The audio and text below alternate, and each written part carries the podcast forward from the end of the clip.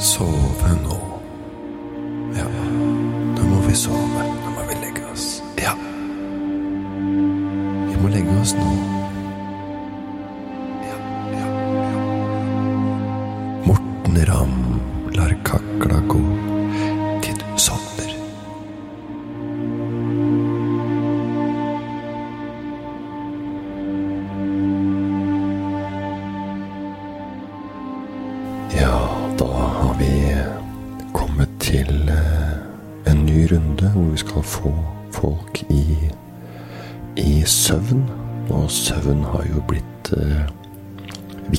viktigere for eh, folk. Det har vært mye søvnfokus i, eh, i mediene eh, i det siste.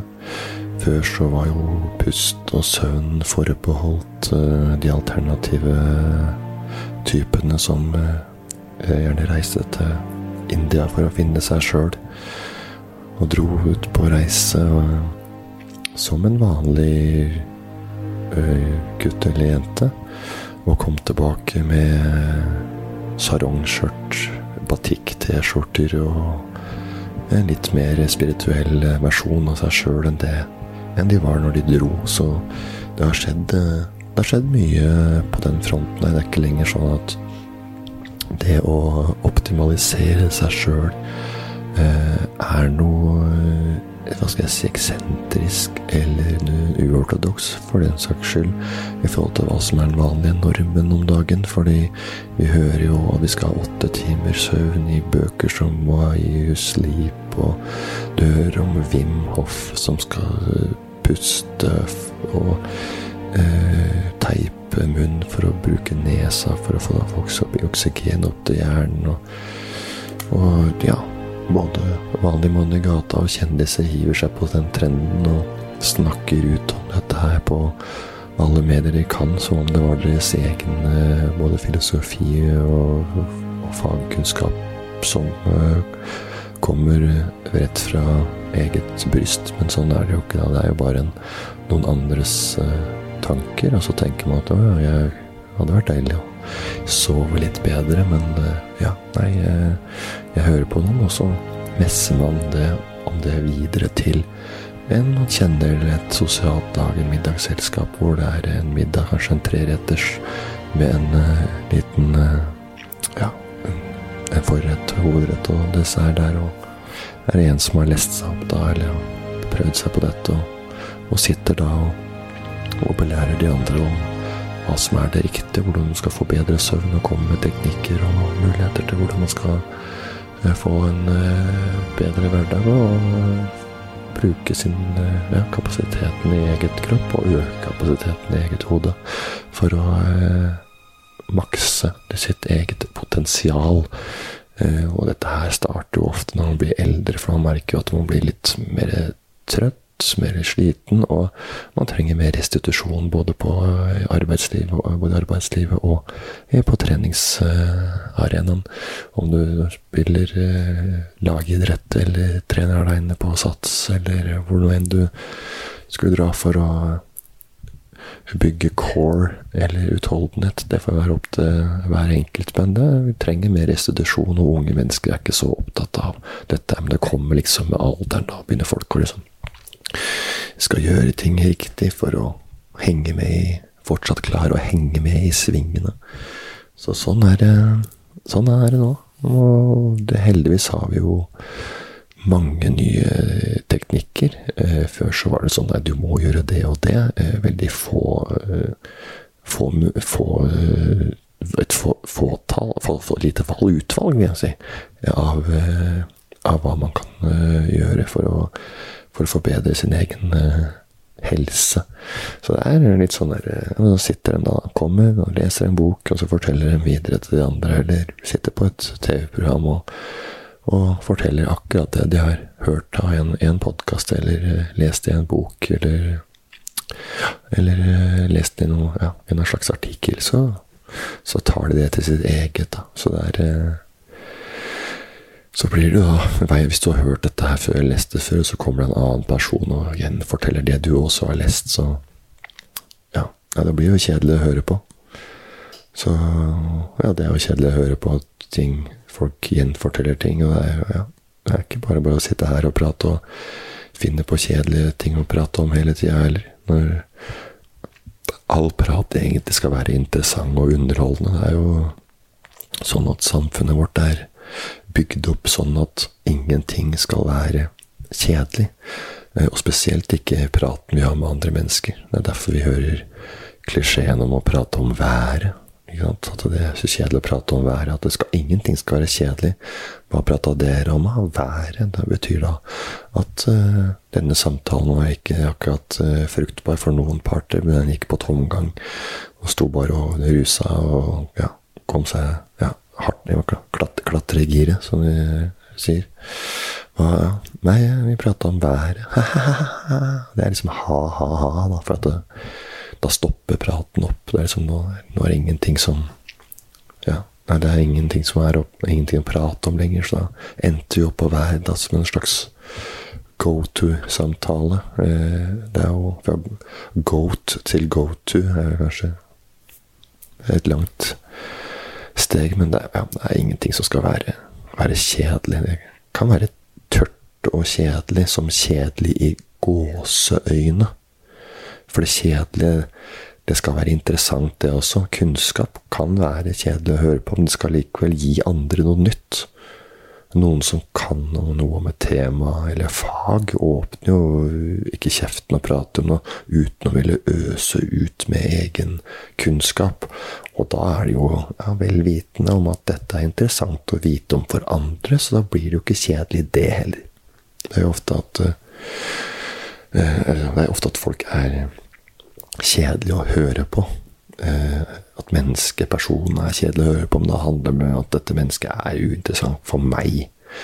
Eh, men det kan jo tenne noe lys i topplokket hos andre. Vi er forskjellige, så det er jo for så vidt greit at ikke alle gir deg noe hele tida. Det ville vært slitsomt, det også, om alle skulle gitt deg noe hele tida. For da måtte man da skrudd på hele tida. Og jeg tenker meg så har jeg det litt sånn noen ganger. Det er veldig mange forskjellige mennesker som gir meg noe, selv kjedelige folk, eller folk som jeg anses som kjedelige, da. Og andre kan digge og synes jeg er helt konge, men i mine er de Ja, de er kjedelige, men det, ja, men det gir meg også noe. Jo mer personlighet og egenart de har, jo mer kan jeg, kan jeg like det. Det er nok ikke sånn mine aller beste venner er, for de er kanskje litt mer runde i kanten og joviale, men jeg må ha de raritetene i nøkkelknippet også for å fylle opp hele den derre vaktmesterringen. Hele Ubraco-nøkkelen med personligheter. De som kommer med noe annet, bringer noe nytt til torgs. Til bords. Til noe pålegg til koldtbordet som eh, ikke er aspik. Ja, nå er ikke det helt vanlig lenger, det, men aspik, det er jo bare kabaret, og det er jo Det er noe for seg sjøl. Aspik, det er ålreit navn, da. Ass og pikk. Ja ass og pikk. Smooth kombo, det, for så vidt, men i matretten da Nei, da Nei, jeg sa hva det heter. Det var ikke så morsomt. Det er ass-pikk et spor som ikke vi gidder å dra så veldig langt uh, lenger, eller dra så mye lenger. For det blir fort, fort, fort for gøy igjen når du skal si ass og pikk og sånn. Ja, jeg vet ikke hvorfor det heter akkurat det, men det er i hvert fall en fransk rett, som vi vet. Ja, det er cabaret, eller aspik. Jeg vet ikke hva det heter der, men det er en matrett som er laga i en slags uh, som gelé, som hadde en storhetstid på 60- og 70-tallet i Norge. Men det er fortsatt å se på noen udde koldtbord der ute, selv om noen prøver å få det tilbake. Det er noen som tviholder på den aspikken, eller kanskje bare lager det for kødd. Å legge mat i gelé er ikke akkurat noe veldig ny oppfinnelse. det det er noen som sier at den stammer sånn ikke, 1100-1200-tallet, men det har vært mye uenigheter der. Jeg har ikke lest så mye om aspik, men det, ja, de lærde strides litt der. Jeg er ikke en av de lærde, for å si det sånn, men den kom fra Frankrike, det vet jeg, og det var på 1700-tallet den blomstra. Så den er jo den er for så vidt grei. Så det er ikke sånn at aspik kabari er et norsk fenomen. Det er en fransk rett som ble laga i Frankrike i gamle dager. Så den eh, og den er jo en, ja, kanskje en, en oppskrift på husk, på, slo, på, slump, som jeg sier. Det kan være noe å sovne til. Og du lager jo en aspik etter, på en pose. Du kjøper en uh, aspikkbuljong, så følger du anvisninga på pose, posen. Og så er det å avkjøle dette her nå. Det, det heter ja, aspikkbuljong eller noe annet ekkelt. Jeg husker ikke hva det heter. Sikkert Toro eller uh, en annen produsent som har disse her halvferdige rettene som du kan bruke, men det er jo sånn du skal stivne. Så skal du legge liksom, først et lag med aspik i, denne, i en form, og så kjøler du dette i kjøleskapet. Og så er det liksom ferdig når det har stivna. Og så må du ha egg, og så må du ha grønnsaker som du eh, forveller, altså koker litt lett, og så ja, fyller du på. Du tar ut formen fra kjøleskapet, og så legger du på litt dill, og så har du masse de grønnsaksingrediensene. Danderer du slik du ønsker, gitt oppi bollen. Oppi denne bollen med denne aspikkbunnen, da. Og så heller du resten av den der aspikken over grønnsakene og egg og alt dette her du ønsker å fylle eh, aspikken med. Og så setter hun kaldt igjen til den er eh, stiv. Eller så ja, kan du ha den på kjøleskapet hele natta. Og det er jo for så vidt for så vidt greit. Det er, det er jo kanskje en annen grunn til at vi kan spore den retten tilbake til Frankrike, og det er jo buljong. Buljong var jo veldig populært i, hos de gamle kongene i, i, i, Frankrike. De spiste jo buljong til frokost, lunsj og middag, så det var vel oppstarten til det kulinariske kjøkkenet vi kjenner fra Frankrike den dag i dag. Her skjedde det skjedd mye på matfronten. Det er et land vi ser på som en sånn gourmet-ener når det kommer til mat, som ikke akkurat er kjip for en uttrent, det er ikke kjip for en trent. Men det, er mat som ikke er Den er ikke for en utrent gane, uh, skulle jeg vel uh, egentlig si. Men, men, det er folk som har en litt sånn feinschmecker-tunge. Altså, Frankrike er jo et reisemålet for helfrelste foodies hvor mat og vin er i høysetet. Og det får jo servert mat i øverste klasse, og som er up to date, som følger med i tida og bruker våre råvarene på riktig måte. Så det er jo restauranter i toppsjikt som florerer fra Lille i nord til Côte d'Azur i sør. Côte d'Azur i sør. Det er ikke Azur i sur, men det er Asur er vel Asur er vel blå farge, tror jeg. Blå. Uansett, da. Så det er ikke noe med sør å gjøre. Asur. Men uh, Lille er jo en liten, uh, liten by i, uh, i, i Frankrike. den ligger nord i Frankrike. og den Ja, Cotias Lille er en by, og, men Cotiazou det er et slags fylke, tror jeg. Men det er jo mange ja, det, er sånn, det, det er viktig å forskjelle at byer og fylker altså, Jeg vet ikke om det heter fylker i i eh, Frankrike. Men Côte d'Azur er i fall et område eh, som da er tilsvarende et fylke i Norge. Eh, og det er ja, forskjellige, forskjellige byer og navn i Frankrike som har en veldig fjonge navn, som sier litt om hva skal jeg si, hvilket land vi har med å gjøre her. Altså, du, du har jo i Frankrike har du et fylke da, som heter Champagne. Så da er jo den grei. Da legger vi den ballen død. Og det er jo sånn at champagne, for eksempel, ja, det må jo lages her, for det skal kalles champagne, men det er jo barneskolekunnskap. Men uansett, det er jo et fylke. Eller jeg vet ikke om de kaller det fylke, men det heter også noe som heter Bourgogne. Den kjenner vi til, men det er Dæven steike meg et fylke midt i landet eh, som heter, ja, hold dere fast, limo, limousin. Du har champagne i, oppe i nord-øst, og limousin i midten. Mangler bare et lite skoleball fra slutten av ungdomsskolen, et harry utdrikningslag. Altså, ja, hvor som helst, egentlig, så har du, har du, det. Tenk at champagne kan være så fisefint og så harry på en gang. Både harrytasser og rike folk kan sette pris på litt ordentlig champagne. Men nå er jo rike folk veldig harry, da. De tenker at uh, vi er heva over de andre som er harry. Vi har litt dyrere champagne enn de andre. Har litt mer stil og klasse enn de andre harrytassene som bare er millionærer eller bare litt tullinger som skal drikke for å late som de er rike.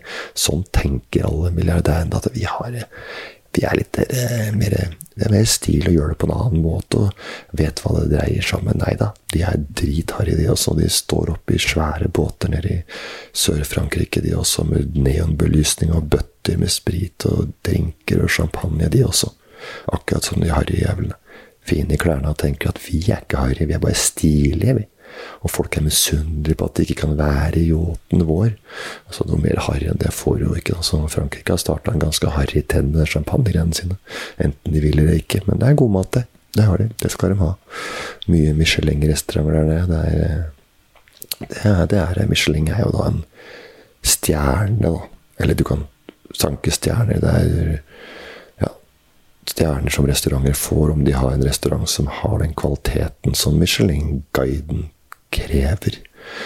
Nå er det å få liksom Det er liksom Michelin-stjerne, det er det beste du kan få, men det, det har ikke alltid vært sånn. Det kan jeg fortelle det, for det var en liten eh, sak som starta for over 100 år siden, sikkert. Med et lite brødrepar der, som jeg ikke husker navnet på. Det var starten av 1900-tallet, det. Og det var jo eh, Michelin. Det er da egentlig et dekkselskap Altså, de fleste kjenner kanskje til, eller noen kan kjenne kanskje til Michelin-dekk og den store Michelin-mannen. Og da snakker jeg ikke om den store Marshmallow-mannen fra filmen.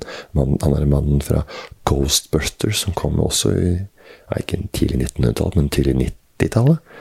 Og da har du skuespillet som Dan Aykroyd Dan Aykroyd Dan Aykroyd, altså Dan var stor på 90-tallet og visste ikke hvordan ting uttales. Men jeg kalte den for Dan Aykroyd før, da, men den heter Dan Aykroyd. Eh, og Bill Murray.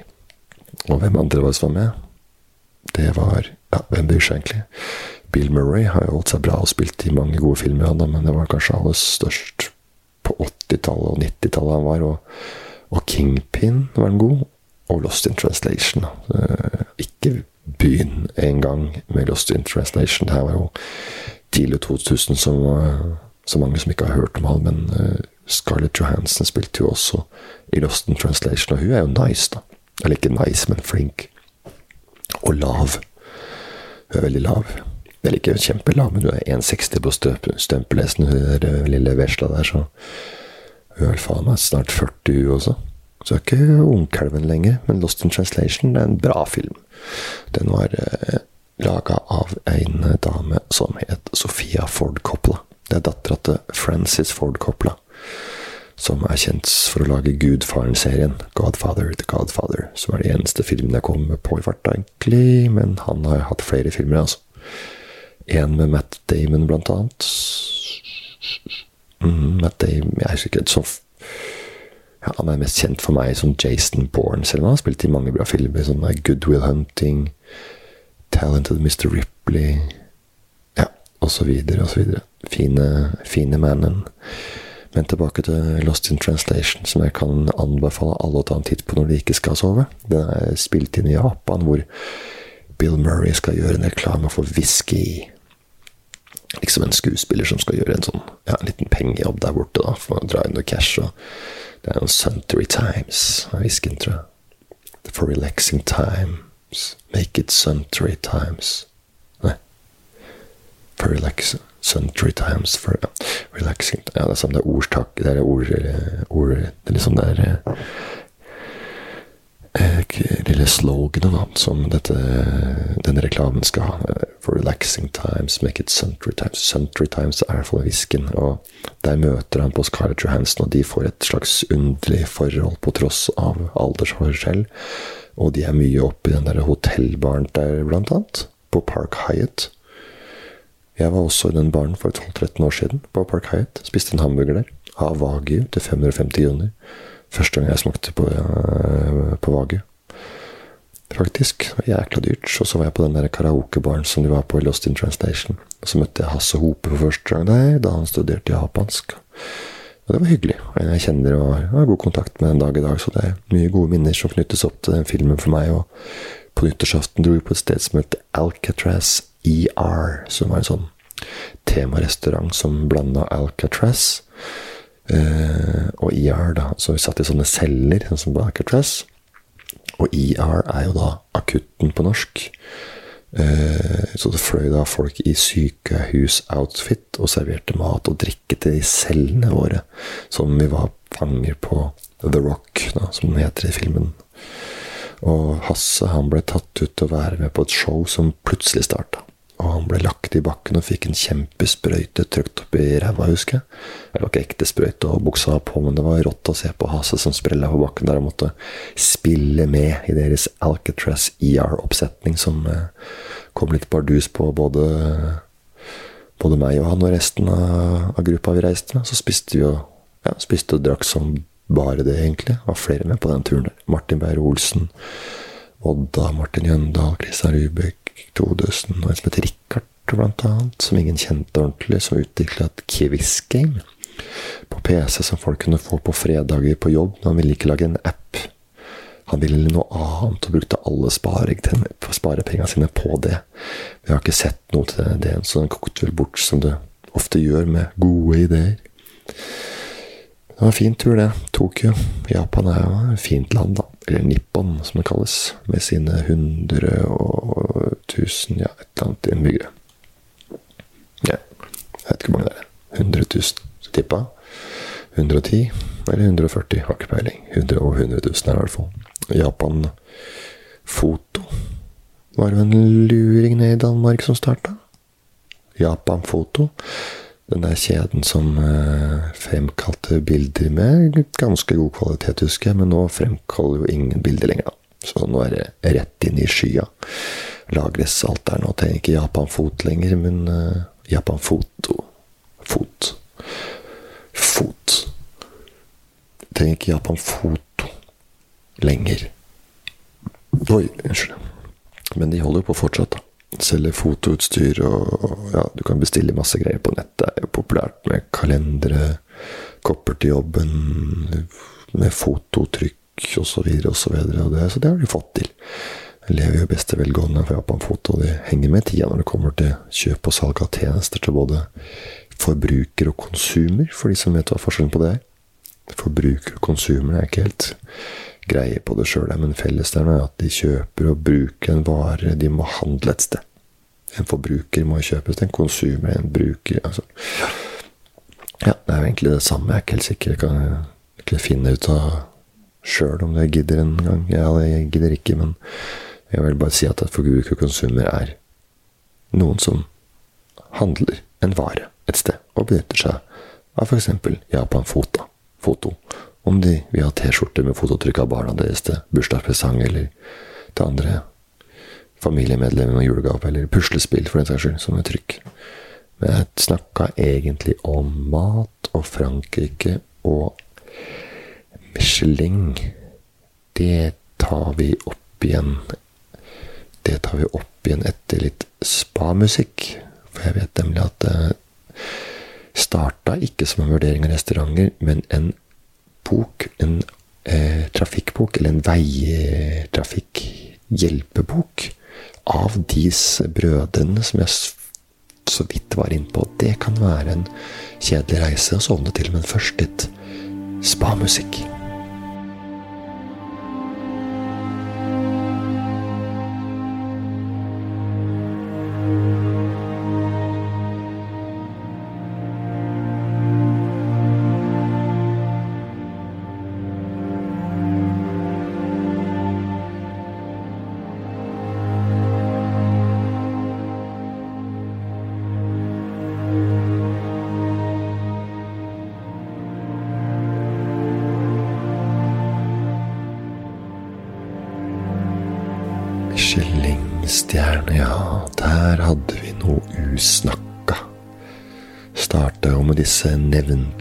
Brødrene, det. Den derre Michelin-guiden eller boka eller magasinet eller hva det var. Da var det egentlig for å hjelpe da bilistene på turene sine. Og Michelin-guiden ble da en betegnelse og en bekreftelse som restauranter får, som da ønsker et kvalitetsstempel. Men i gamle dager så var det jo også Eh, en markedsføring for å øke salget av biler og, og dekk. Så denne boka var jo praktisk informasjon for eh, reisende med f.eks. kart.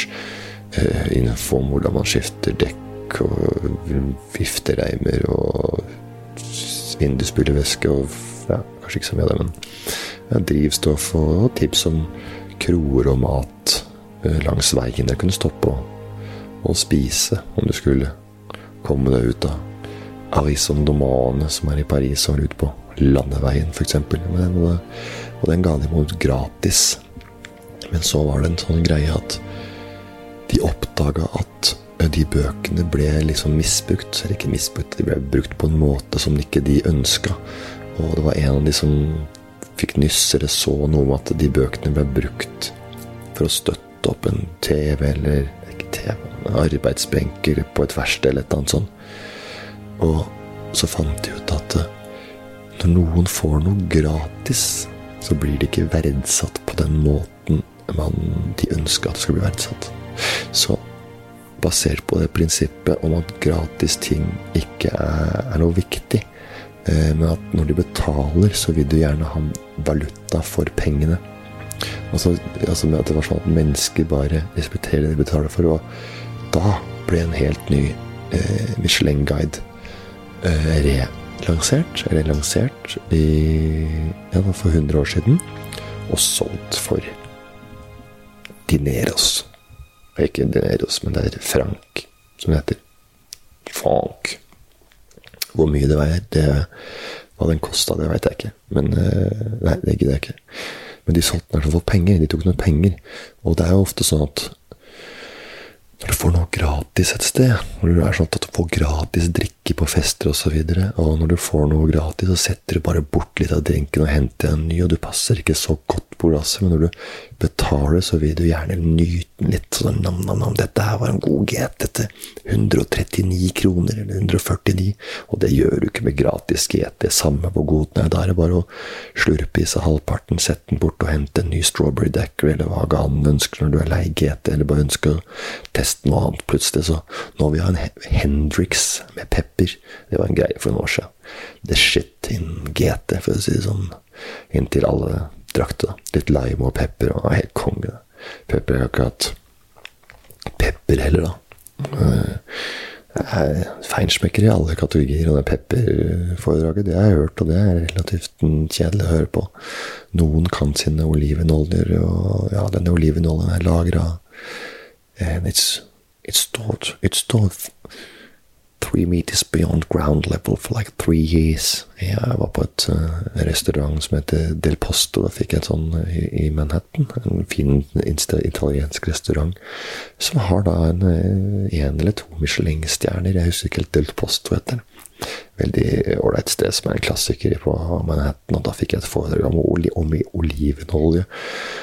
This is this olive oil is from Tuscany. It's like you know, it's been it's been stored and and it's been uh, filtered and filtering filtered and stored beyond uh, det, altså, Jeg husker ikke noe av det han sa, men uh, det er i hvert fall veldig mye olivenolje-greier og veldig mye uh, forskjellig olje. Og skal du ha en god olje, så må du vite hva du leiter etter. Og det er ikke alt som passer til alt jeg fikk til, men iset, som er olivenolje, som er sinnssykt eh, den, den herja med munnhulen på en positiv måte, for å si det sånn. Men det er pepper også. Der er det også eh, Noen kjenner, da.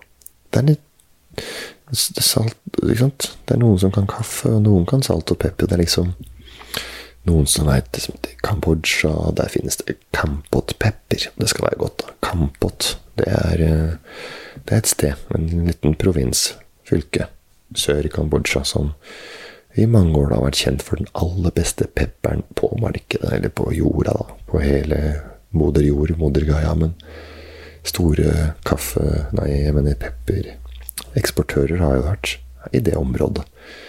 Vietnam og Indonesia og India. Ja, Vietnam og India er ganske langt unna hverandre, men Kambodsja er jo naboland til Vietnam, så de har vært store på på pepper, da, og Kampot fikk jeg høre at var verdens beste pepper. Men det er jo noe bare man kan si, da. Turister kan si. Byens beste pizza, og byens beste fyrverkeri, og byens beste kebab og sånt. Det er ikke akkurat at det stemmer. Det er lett å skrive, men det må jo, det må jo opprettholde dette her. Og ja, så hvis du er verdens beste, så trenger du kanskje ikke å skrive det heller. Da veit folk om det. Og hvis det er byens beste, så er, er ordet på gata ganske Er ganske en, stor, en, en største markedsfører man kan ha. Så går det som ild i tørt glass, og det er jo hot og ikke not, og jeg og ikke nei, og da skal jo alle inn, innom ha en bit av kaka, men jeg har sagt til sånn Petter Peppe, det var liksom verdens beste. Det, men det, ja, det, er, det, er man, det er bare noe man kan si. Det til eh, turister, annet, som skal handle noe eksotisk. og Jeg vet ikke hvilken eh, aroma dette pepper her gir, som du ikke kan gi meg på den kverna på Coop. På Coop. På Coop, Rema, Jokers eller din lokale dagligvarebutikk. En urt kan du jo se om er frisk eller ikke når det står utstilt i butikken, men tørka urter på glass, det skjønner jeg ikke helt hvorfor skal være så stor forskjell på. Jeg klarer ikke helt å smake forskjell på oregano fra Santa Maria eller Hindu eller Jacobs, for den saks skyld. Men det er greit å ha like glass i hylla når du kjøper urter, krydder. Kjøpe i den samme serien. Det ser jækla stilig ut, det, da. Jeg tror det er mer det det går i når det kommer til krydder, at det skal se litt stilig ut i hylla. Det er kanskje litt småharry å ha krydderglass som pynt på kjøkkenet litt sånn tøft satt oppover komfyren eller i hylla ved vinduet i alfabetisk rekkefølge og gode greier her. Litt anis på A og basilikum på B og D på dill. Hoppa jeg over C, da, hvert. Cinnamon. Curry. Ja, et eller annet curry der. Eller E, da. Estragon. G. Gallangal. Gastomat. Den derre Ja, grillkrydder ja, og det er ja, mer og mer på G. Gurkemeie. Videre på H, da har vi jo skal vi si Herbs de Provence, har vi. Mm -hmm. Ja, samme det. Samme det. Rosmarin, safran, spisskummin, et helfritt glass med vaniljestang på slutten, eller kanskje helt ned på W med wasabi. Men den kommer ikke på glass som regel. Men uh, krydderet er, eh, er vanskelig når det er på glass. Men den pepperen fra Kambodsja den er visstnok verdens beste, ifølge han fyren som kom fra nettopp området Kampot i Kambodsja, kunne fortelle det noen timer unna hovedstaden Phnom Penh med sin fantastiske historie om en fyr blant annet som het ikke Kampot, men Pol Pot. Kjenner til han, ikke en av de greiere pepperkorna å ha i jekselen, for å si det sånn. Han Pol Pot han er ikke fin å ha i jekselen, han var gæren. Pol Pot var en statsminister eller noe, eller president, eller hva de har der, på slutten av 70-tallet. 1700-tallet. Prata om det franske aspikken i stad på 1700-tallet, men nå er vi på slutten av 70-tallet, så det er greit å holde tunga rett i munnen når du sitter og kakler så kjedelig på 18. minutt der. Og han derre Pol Pot Jeg kan si et par ord om, ikke mye mer enn et par ord, men jeg kan ta det jeg har på Pol Pot. Det er det det handler om. Å trøkke ut verbal tidtrøyte. Og han var medlem av Den røde khmer. Det var en sånn kommunistisk gruppe som var styrt av en gjeng da, som kalte seg for Brødre. Og Pol Pot han var bror nummer én fra starta da. Så det er jo enkelt, dere. Bror én var han, den uh, giftigste av dem alle, som satt under sin korkek og ønska å rense landet, på samme måte som Hitler ville under det greiene som ble kalt holocaust. Holocaust. Mm. Så ja, det var samme greiene her, bare at Hitler ville kun ha den hvite hvite rase, da. Arisk rase og et samfunn uten minoriteter og funksjonshemma, og det ville vel egentlig Pol Pot også, men han ville også fjerne de smarte, utdanna folka. Så det ville Pol Pot. Han ville, her skulle liksom da skoleflinke rett og slett drepes. Jeg tror jeg leste en gang at han skulle drepe de med briller også. For de var smarte å lese eller noe sånt. At han var liksom Han har litt rett, da. Ikke å drepe folk med briller, men at før så var det litt mer nerd. Litt mer de smarte som gikk med briller. Men uh, der er vi ikke helt per i dag. Men han, han skulle drepe de smarte, for han var jo opptatt av å jage folk fra Phnom Penh, storbyen, og ut i skauen. Uh, for å drive med jordbruk, da. For å jobbe der. For det var det som skulle dra verden videre. Back to the roots og lage ris og mat og back to the basics, rett og slett. Enkel og grei holdning, det. Ganske enkelt å forholde seg til. Og, men for å få til dette så måtte han drepe da, en halv million mennesker, og det er litt litt hissig variant for å nå et litt delmål der, og han kjørte på han der i fire-fem år. Og så kom eh, Vietnam, da, som jeg nevnte, og stoppa han. For han var jo helt billig, det kidet borti der, så det er greit å få dratt ned seksløperen til Pol Pot, for han ble jo ikke bedre med makta.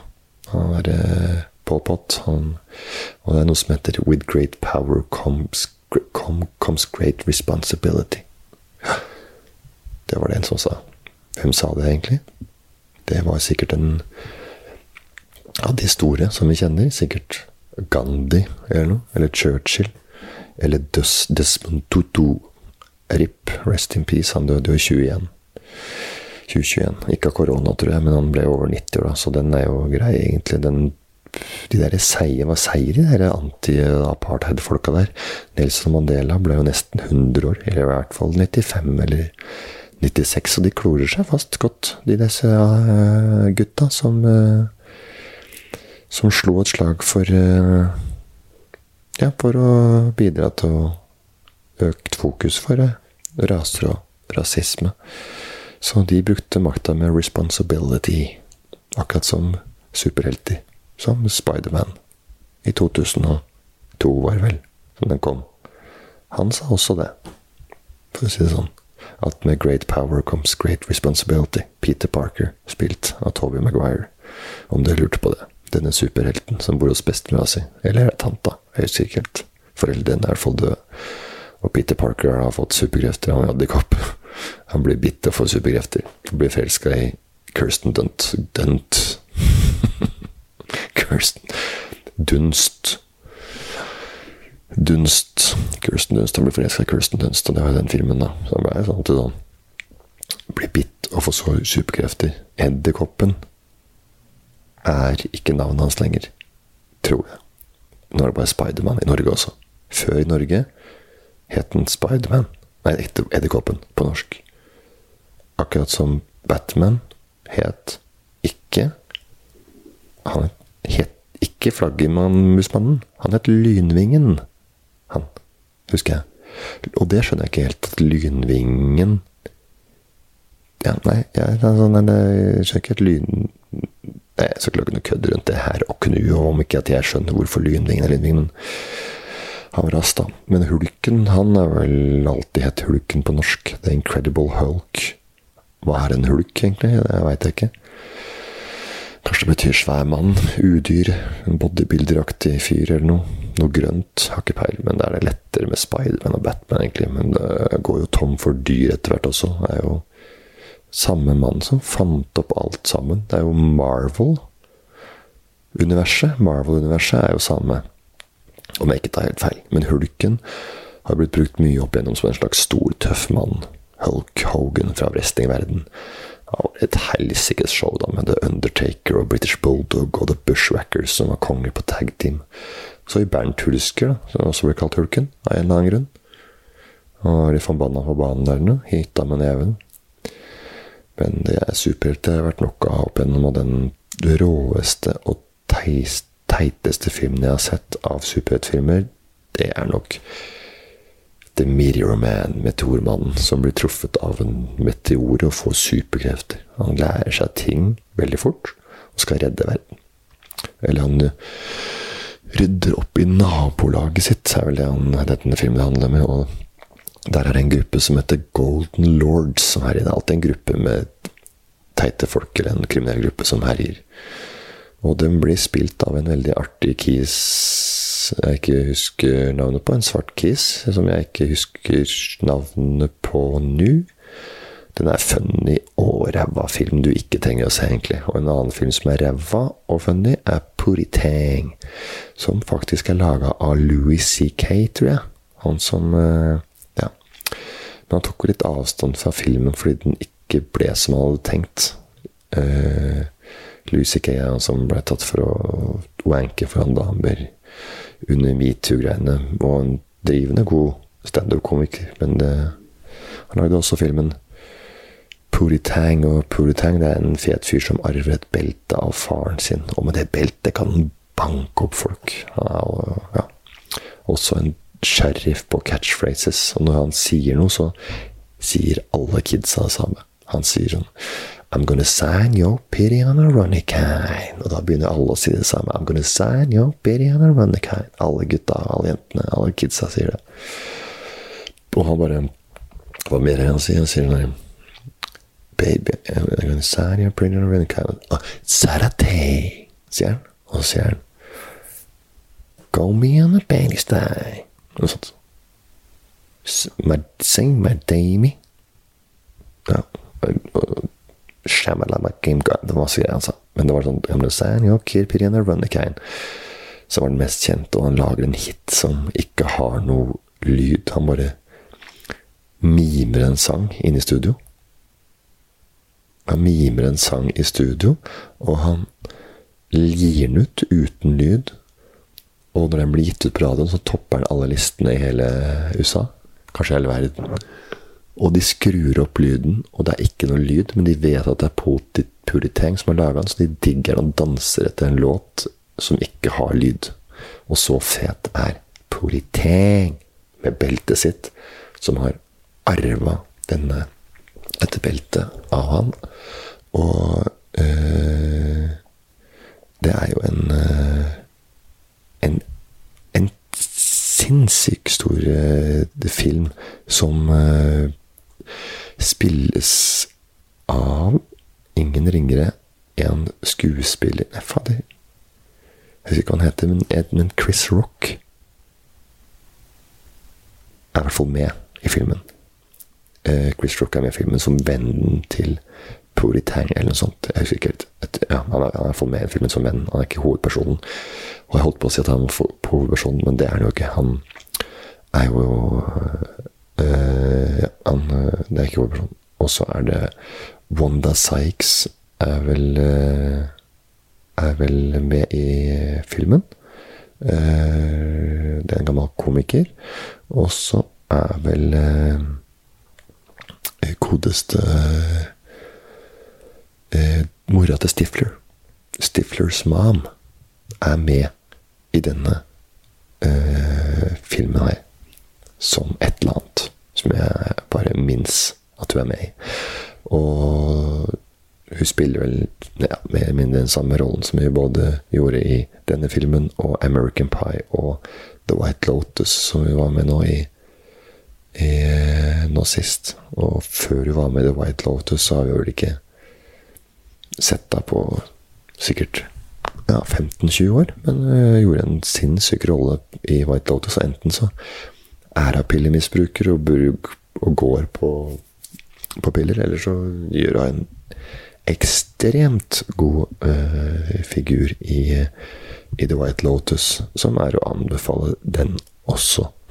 Uh, selvfølgelig. Med denne it-girlen Sydney Sweeney, som uh, man kan se Euphoria, blant annet, som ligger også ute, som er jo som, eh, ja, som spiller et eh, Ja, hva skal jeg si Det er en serie om et eh, litt sånn halvhardt uh, ungdomsmiljø, uh, hvor de trekker fram uh, de litt ikke så veldig hyggelige delene av det å, å, vokse opp. Og den Euphoria, den er jo egentlig egentlig ikke norsk. Den er vel en, eh, en liten eh, Egentlig en eh, israelsk serie.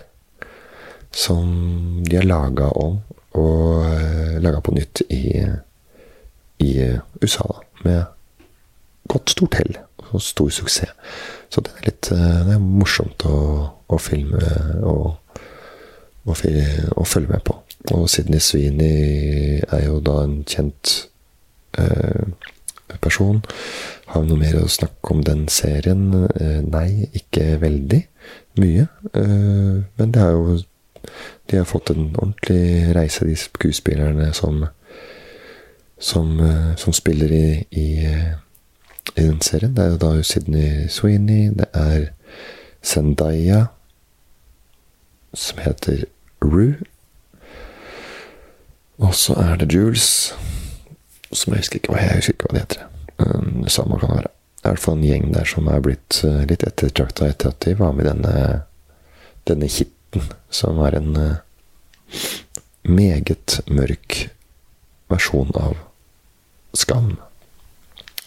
Skal ikke begynne med, skal ikke begynne med skam, men, uh, men det er jo morsomt å se at uh, en sånn serie kan kan komme så langt. Men vi kan jo avslutte, begynne å avslutte med noe ordentlig kjedelig. Noe ordentlig gørr.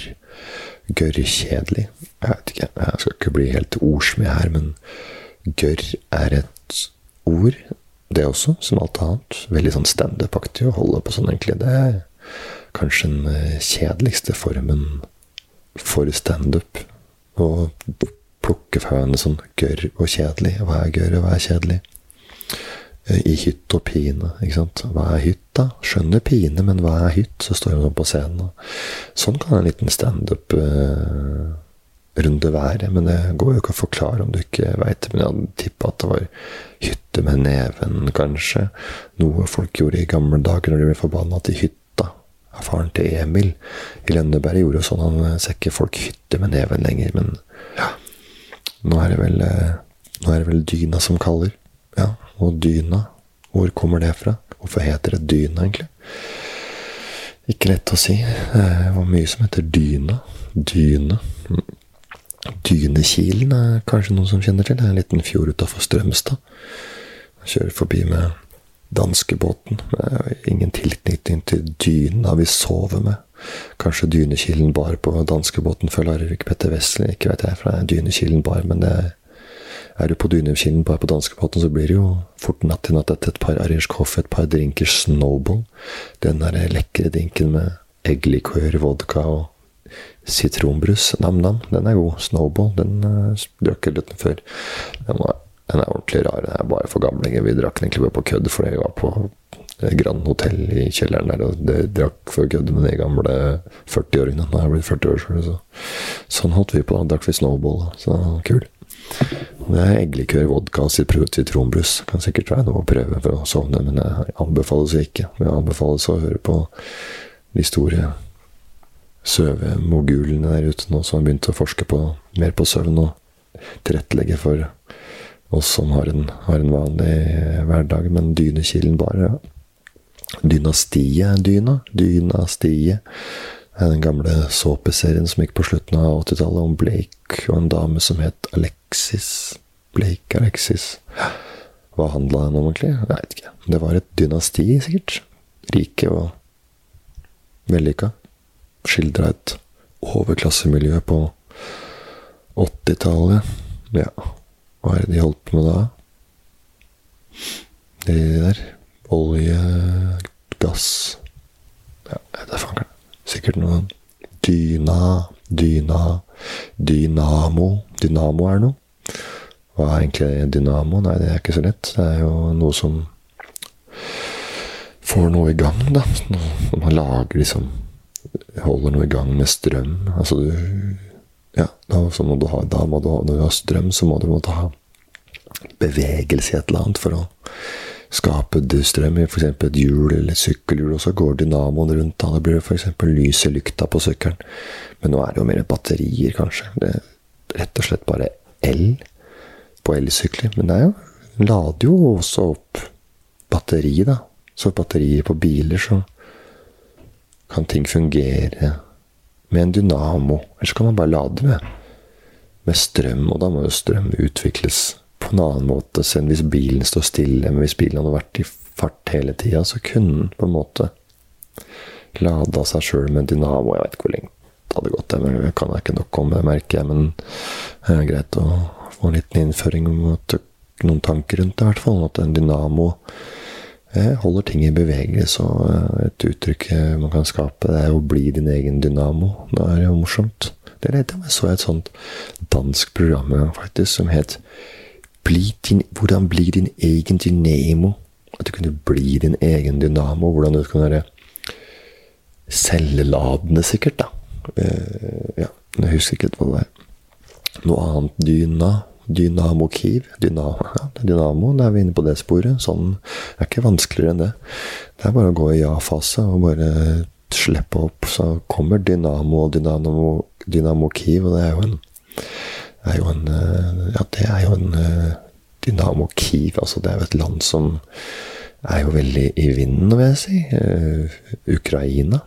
Uh, og det Ja, fotball er Dynamo Kiev er et fotballag. Det skulle vært min hjemmebane. Og jeg kunne jo skulle holdt i gang med flere timer om fotballklubben Dynamo Kiev, men der må jeg skuffe dere, for at det er, det er et, et, lag fra Ukraina, og det er hovedstaden i Ukraina. Det er Kiev. Og Dynamo vet jeg ikke, men at det er noe med energi å gjøre, og lade batterier, og at gutta er sin egen dynamo. Sjevsjenko spilte der. Eller Det vet jeg ikke. Han kommer fra Ukraina, i hvert fall. Så hva regner det? Og Voronin kom fra Ukraina. Regner med de spilte i Dynamo Dynamo Kiev. Det er jeg veldig, veldig øh, usikker på. Men nå er det jo ekstremt mye som skjer i i Ukraina om dagen, og russerne skal jo inn og ta hevd på deler av uh, uh, uh, Ukraina. og det er jo da Krimhalvøya, og det er jo da Donbas og de områdene her som er i fare for å bli tatt over av russere. da, og ja, det er akkurat det der. Der skal ikke jeg begynne å gå så veldig mye mer eh, inn egentlig. Men eh, det er eh, opphetet stemning i Ukraina, og Sverige også er jo, en, er jo delaktig i dette. Og det er der de dronene over Stopp Stockholm kommer inn, for det, de vil jo da også skjerme Gotland, som er et, da, et slags strategisk sted som er fint å ha. Så det som de er redde for, da, svenskene. Så dynamitt trenger vi jo for å sprenge folk i fillebiter. Eh, I første rekka der, som eh, når ukrainerne som står, disse separatistene holder på på så, det smeller etter der nede. Så dynamitt, da må du sprenge ting i lufta. Dynamitt-Harry fra Olsenbanden var en ordentlig hurragutt. Spilt av Harald Heide Steen jr. Og han satte jo dynamitten på kartet, han da. Eller ja, Passa ikke helt det uttrykket der at de har satt på kartet, men Lotepus har jo tatt over stafettpinnen fra Harald Heide Steen og er jo både harry og glad i dynamitt, han, så den, den, er jo ganske ålreit. Så bare at Lotebus er en ekte person, og Dynamitt-Harry er en karakter i serien Olsenbanden, men helt i tråd med reality-TV som er dagligdags for samfunnet i dag. Ja virkeligheten er best, eller noe. Dynke folk i snø. Det kan du gjøre. Dyna fyr. Ja. Hva er det? Et fyr. Det er på et fyr. Mm. Utafor uh, Oslofjorden. Utafor bygda. Der er det restaurant og det hele det. Med landemerke i Oslofjorden. Som folk ikke bryr seg sånn veldig mye om. Så ja. Han ble egentlig ikke klokere på hva dyne er, hvor det kommer fra. Dundyne. Ja. Det er dundyne? Dundyne. Hva er sanddyne, da? Dun kommer jo fra Farewell. Ofte fra Kina. Mishandla fugl fra Kina. Det, er ikke kødd engang. Dere hørte riktig. Det svøpes inn med fugl som blir jaga rundt og hogd huet av for at dere skal sove godt om natta i de mykeste omsvøpningsfasiliteter, for å si det sånn. Kan jo velge syntetisk, da, men da, da er det miljøet igjen. Dyr eller miljø? Hvordan skal du farme deg om natta? Valget er ditt når du skal få dine åtte timer med anbefalt søvn per natt. Det er ikke noe å bekymre seg over akkurat nå. Det er bare 75 fugl som skal til for å lage en dyne dine. Så. Mellom 65 og 80 fugl skal nappes for fjør for dun for at du skal få sove godt. Og det har en eller annen sammenheng med at de bruker de samme fuglen som blir tvangsfôra til å få forgra i tillegg. Og da begynner vi å, begynner vi å snakke. Da begynner vi å snakke eh, ordentlig eh, 360 inhumant. inn Ja, i hvert fall ikke noe innafor dyres uh, dyras rettigheter. Det er det ikke. Nei. Nå må vi uh, få dere i, i deep sleep og ikke tenke så mye mer på det greiene. Tenke null og niks. Det er det beste. Eller bare tenke på én ting. Det er fint å tenke på. Bare tenk på én ting. Én ting som er bra å gjøre i morgen. En gåtur. Kaffe med en venn i morgen. Enkle greier som dere kan prate om. Ja. Har en nyhet du kan fortelle? Noe sladder? Mange små gleder der ute, så det er bare å glede seg. Alle gledesmenn og gledespiker der ute. Tenk være hore for å skape glede. Nei, nå blir det. Det, det, blir for dumt. Det er ikke noe gøy engang, så Og da bare runder vi av, gutter og jenter. Og så ses vi, hørs vi i morgen tidlig. Natt i natt. Kos dere. Sov godt. Ja. Kjør.